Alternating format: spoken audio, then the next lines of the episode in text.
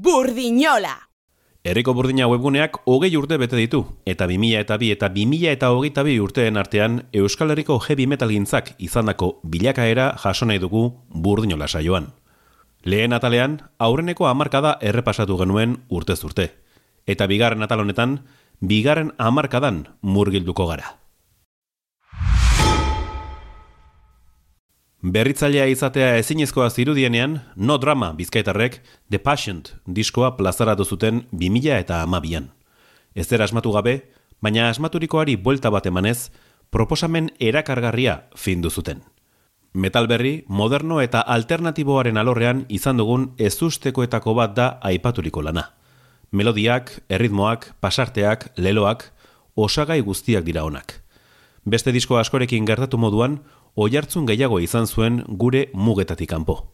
Halere, taldekideek aldaketak aldaketa ez zuten pazientzia galdu eta batek daki noizbait beste lanik kaleratuko duten. No drama, undefined.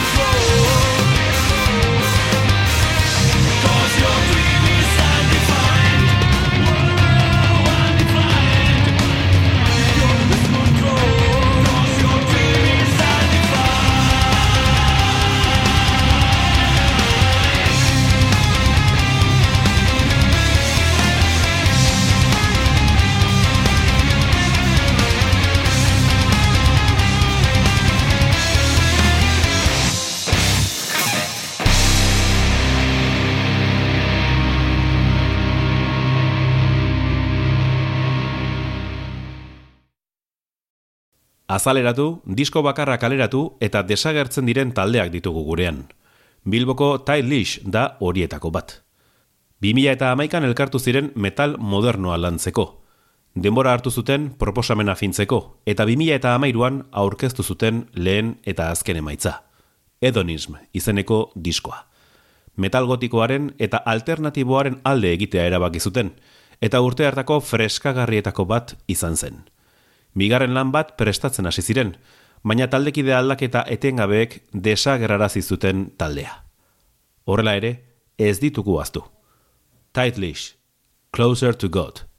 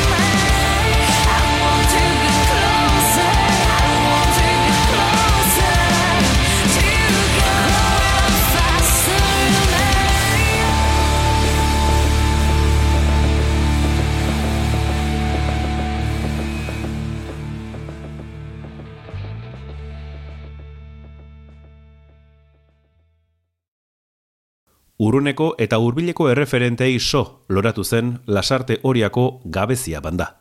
Metal alternatiboa euskaldun duzuten PLT berri txarrak Housi Lovely ekon eta eraso estimatuen testigua hartu zuten.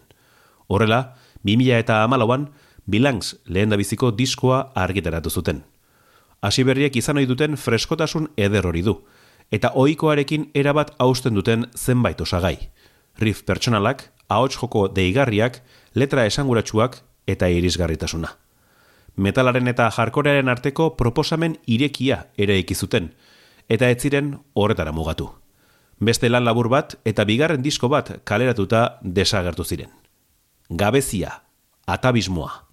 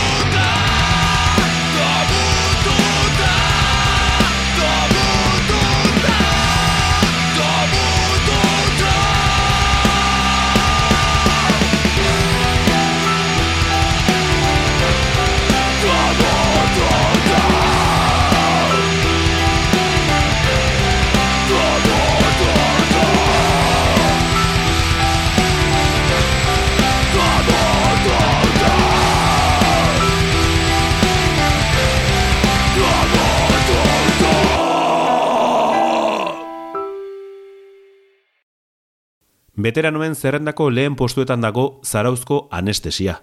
Ibilbidean hainbat eten egin arren, irauteko modua topatu dute, amarkadak zenbatuz. Euskarazko thrashcore doinuen aitzindariek 2000 eta ama bostean kaleratu zuten orain arteko azken diskoa, zirkulutik espiralera. Hasierako bat batekotasuna eta heldutasunak dakarren sendotasuna uztartzen ditu, jatorrizko izaerari kiri bilduta taula gainean behar bezala aurkezteko demora hartu zuten, zuzenekoen aroak joan etorrikoak izan badira ere. Fenix egaztiaren zain geratuko gara. Anestesia, arrain abisalak.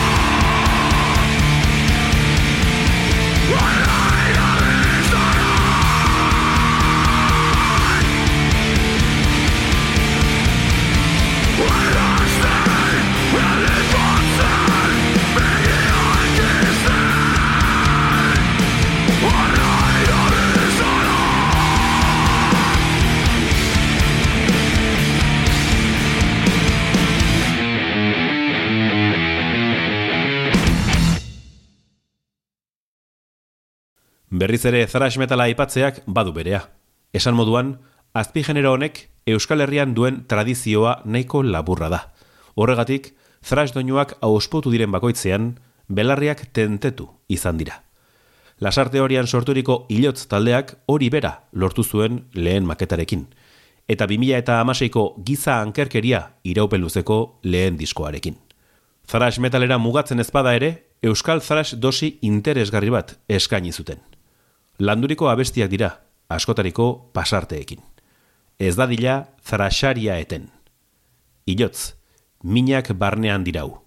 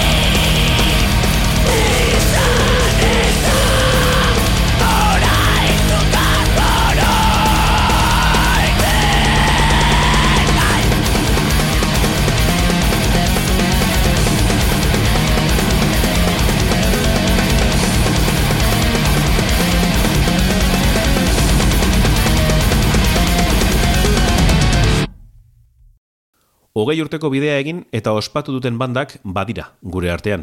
Horien artetik, bada bat lagun artean hasi eta iraunduena. Legazpiko Elberez. Asmo handiri gabe, naturaltasunez, gustuko duten musika jorratuz bete dituzte urteak. 2000 eta amazazpian plazaratu zuten Karma laugarren diskoa, eta orain arteko azkena. Lamatetik bestera izandako evoluzio etengabearen ondorioa da. Heavy metal klasikoa jorratzen hasi ziren, eta muturreranzko joera nabaria izan dute. Thrash, Death eta Groove metal doinuekin aberastu dute gaur egun direna. Irauteko gako bakar bat ez dago, baina beraiek badakite zer behar duten horretarako. Elberez, PS.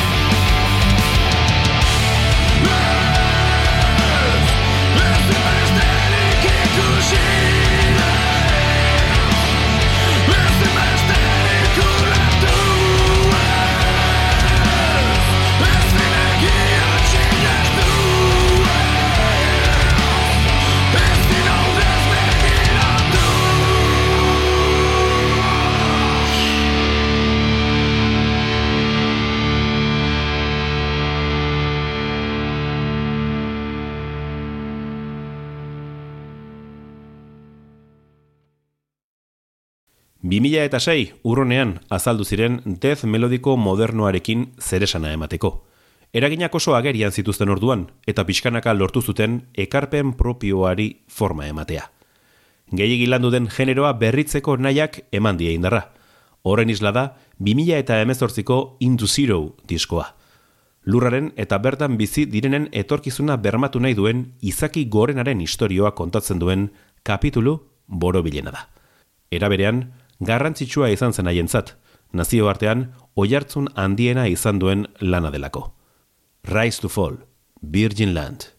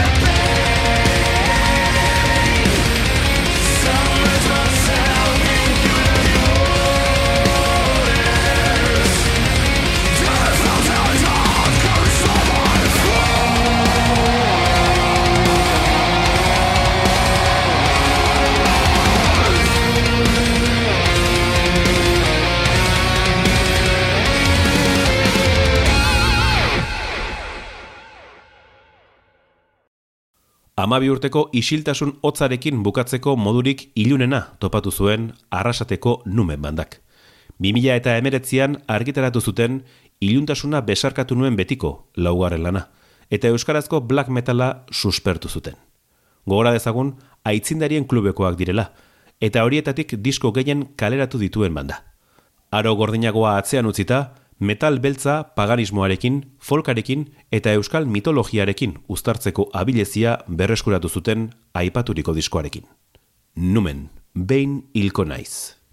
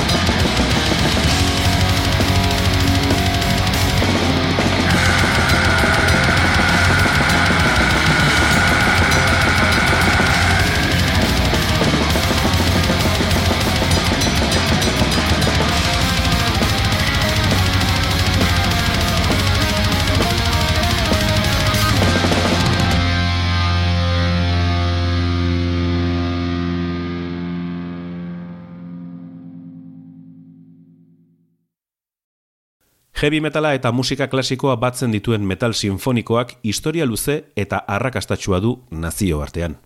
Euskal Herriak ere badu bere enbasadorea munduan. Iruñeko Diabolus in Musika. Bi musikariren ahaleginak fruitua eman zuen duela urte batzuk, eta metal alorreko diskoetxe ospetsuekin lan egitera iritsi dira. Zuberoa aznarez abeslaria eta gorka elso teklatu jotzaile zein komposatzailea dira oinarria, eta ametsak errealitate bihurtzea zer den badakite. 2000 eta hogeiko Euphonic Entropy bosgarren diskoarekin harrera beroa izan zuten, eta euskarazko kantu bat erabili zuten lehen single moduan. Goi mailara iritsi dira, baina gorago jo dezakete. Diabolus in musika. Otoi.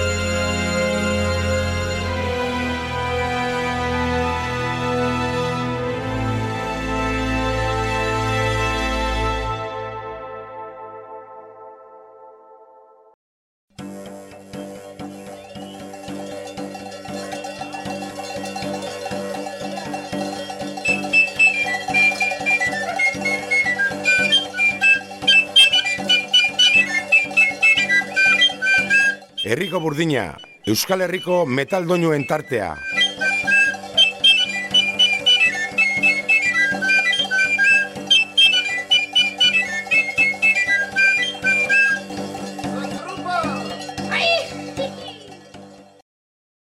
Bizkaiko Incursed izan da dokumentalez arago Baska Bigin izenburuarekin disko bat kaleratu duen lehena. 2000 eta hogeita bateko lanik onenetakoa izan zen gure metalgintzari daokionez, eta aurrera pauso serioa bizkaitarren diskografian. Batez ere, oinak gure lurrean jarri zituztelako Euskarari eta Euskal Folkari tarte nabariagoa emanez. Dena dela, ezin da ipatu gabe utzi, sortzez, aranda de duerokoak direla – Sortzaileek bizkaira etortzean egonkortu zuten banda, eta gure artean hasi ziren. Beste batzuen jatorriarekin tematzen direnentzat aintzat hartzeko kasu bat da beraiena. Bigarren hamarkada eta bi ataleko saio berezia bukatzeko Incursed Bizkaitarren Souls of Fire kanta aukeratu dugu. Urrengora arte, metalzale.